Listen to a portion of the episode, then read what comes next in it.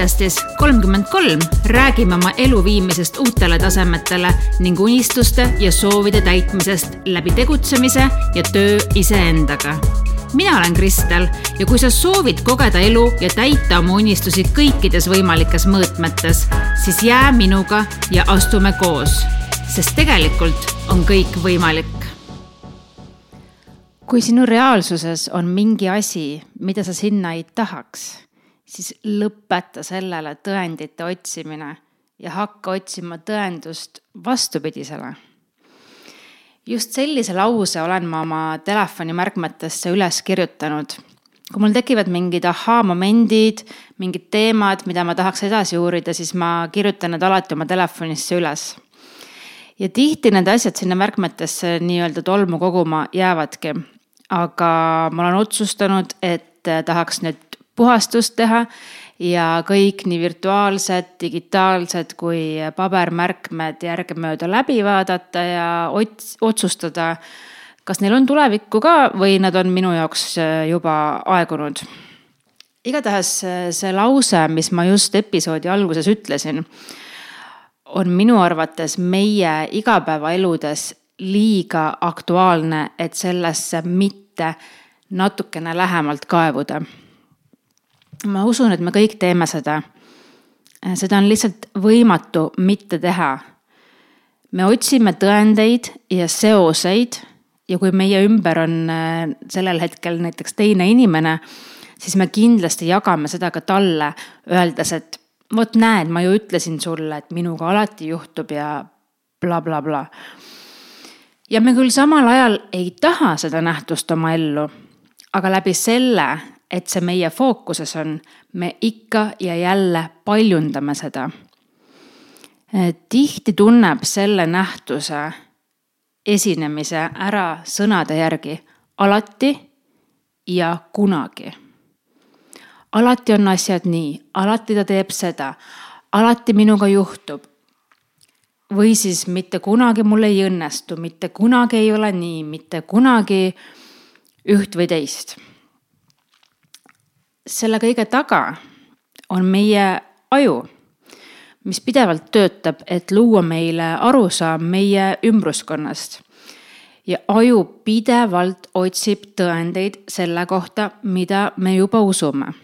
see tähendab, et kui me oleme teinud mingi otsuse või omame teatud sorti arvamust või uskumust, otsib meie mõistus pidevalt kinnitusi sellele, et me oleme õigel teel jah, alati see õige tee ei pruugi olla meie jaoks tegelikult õige tee. aga sellele aju ei mõtle. tema jaoks on kõik, mis on tuttav ja kontseptualiseeritav, õige. meil on selline asi nagu tunnetus, inglise keeles cognition.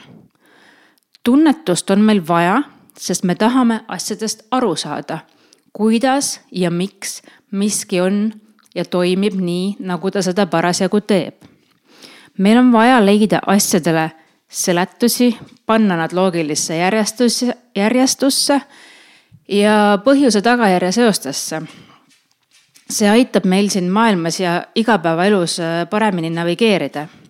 pluss annab ka teatud sorti meelerahu ja turvatunde, sest et me teame, kuidas asjad käivad meie tunnetus loob meile kontseptsioone. ehk siis meie aju genereerib, grupeerib, grupeerib ära sarnased objektid, inimesed, mõtted, sündmused. Meile lihtsalt meeldib asju omavahel kokku panna ja grupeerida. kontseptsioonid lihtsustavad meie mõttetööd niivõrd, et me ei pea peale nende selgeks tegemist enam ekstra seisma jääma ja mõttetööd tegema. me lihtsalt oleme otsustanud kontseptsiooni olemuse üle ja käitume sellele vastavalt. seega me oleme väga osavad leidmaks tõendeid nendele asjadele, mis juba lähevad meie kontseptsioonidega kokku. ning võime rahuliku südamega ignoreerida fakte mis meie tõekspidamistega kokku ei lähe. või siis neile mingid vabandused leida. et ah, see oli juhus, see on see erand, mis reeglid kinnitab ja nii edasi. meil on kindlasti sõpruskonnas see inimene kes väidab, et teda alati lennujaamas läbi otsitakse või, või temaga midagi alati konkreetset juhtub. ja ma arvan, et sa võid minuga nõustuda või sama vabalt ka mitte nõustuda, see on täiesti okei okay.. et mingil hetkel me hakkame alateadlikult omale neid sündmusi isegi esile kutsuma. sest me oleme ju öelnud, et see alati meiega juhtub ja teised isegi on meile seda öelnud et kuidas siis nüüd saab teisiti minna. ma päriselt usun, et meil on üsna suur võim ka nende asjade üle, mis äh, esmapilgul tunduvad, et meist ei sõltu. mida me veel saame enda kohta märkamatult otsustanud olla?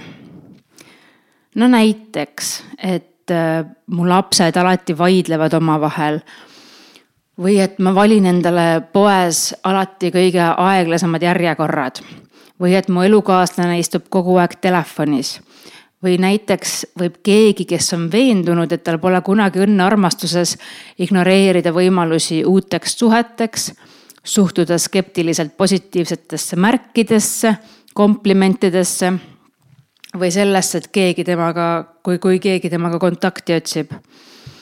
ja iga kord, kui need asjad, mida me siis oleme enda kohta otsustanud, päriselt juhtuvad, siis võid kindel olla, et meie aju teeb väikest viisi aplausi, sest leidis taas midagi tuttavat.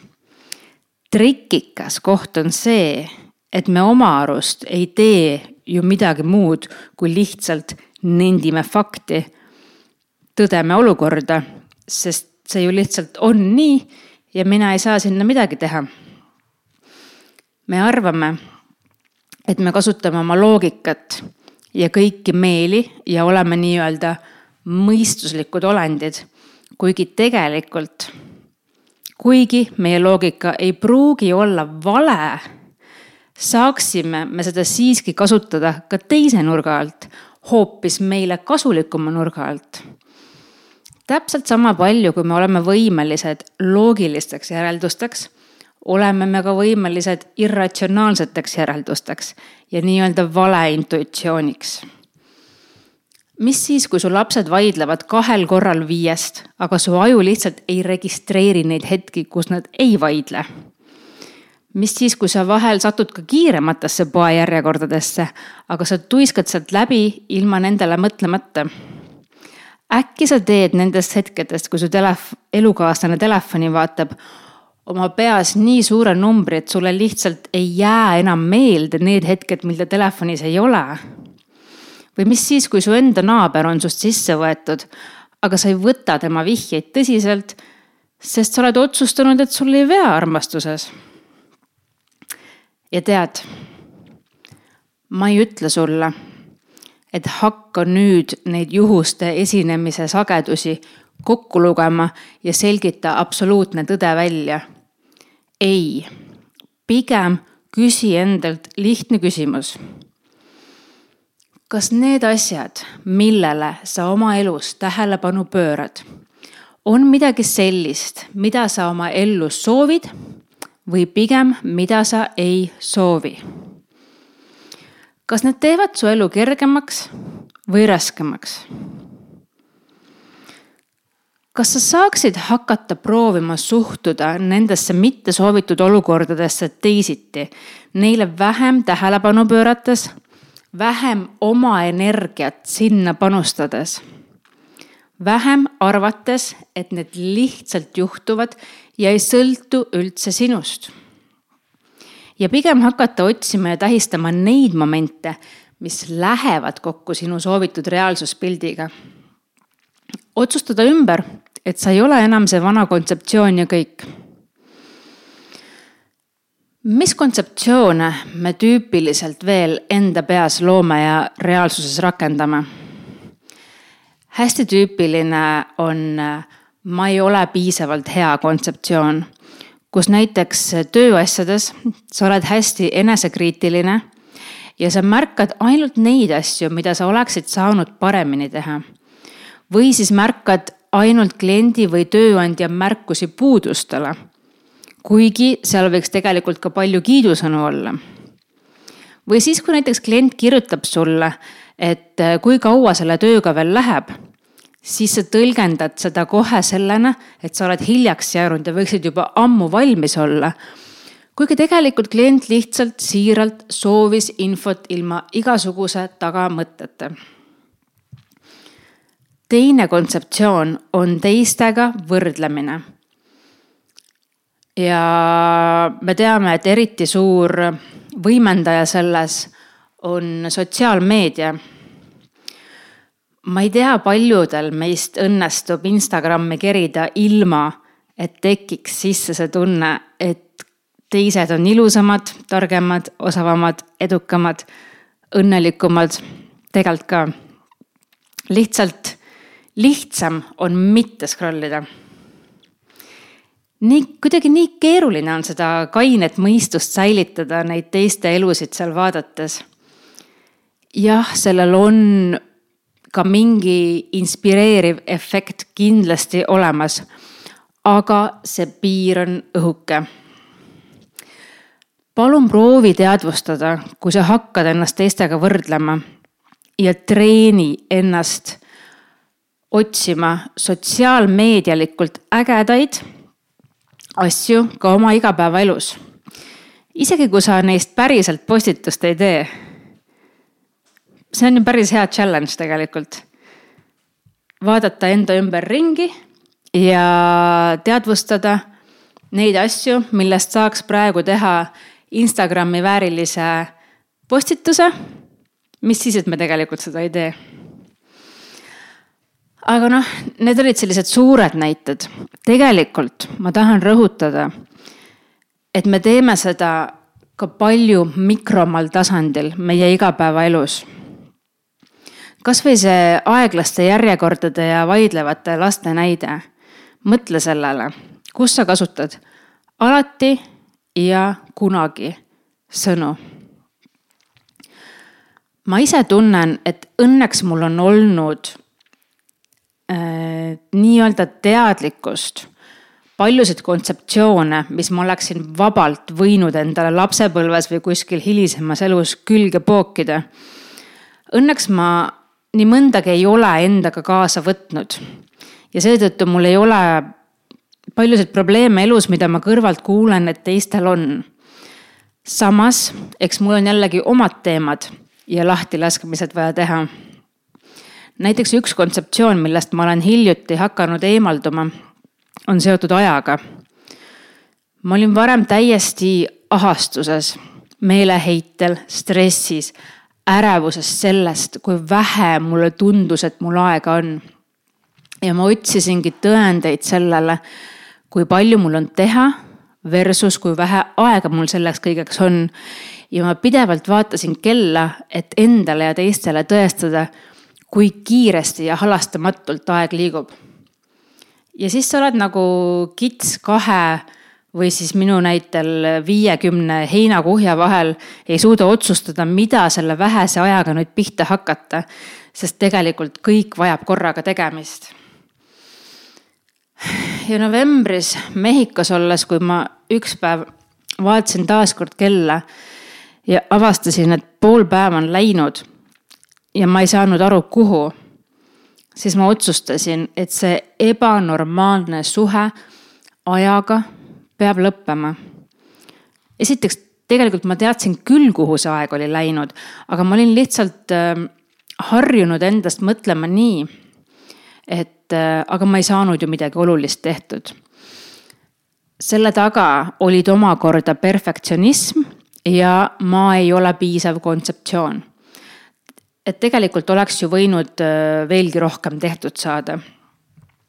ma siis enda arvates ja siis meenusid mulle kõik erinevad pere või sõpradega seotud tegevused, kuhu ma olen minemata jätnud, uskudes, et mul ei ole seda aega võtta. igatahes siis ma sain aru, et ma ei taha seda enam oma ellu, ma ei soovi seda enam oma reaalsusesse.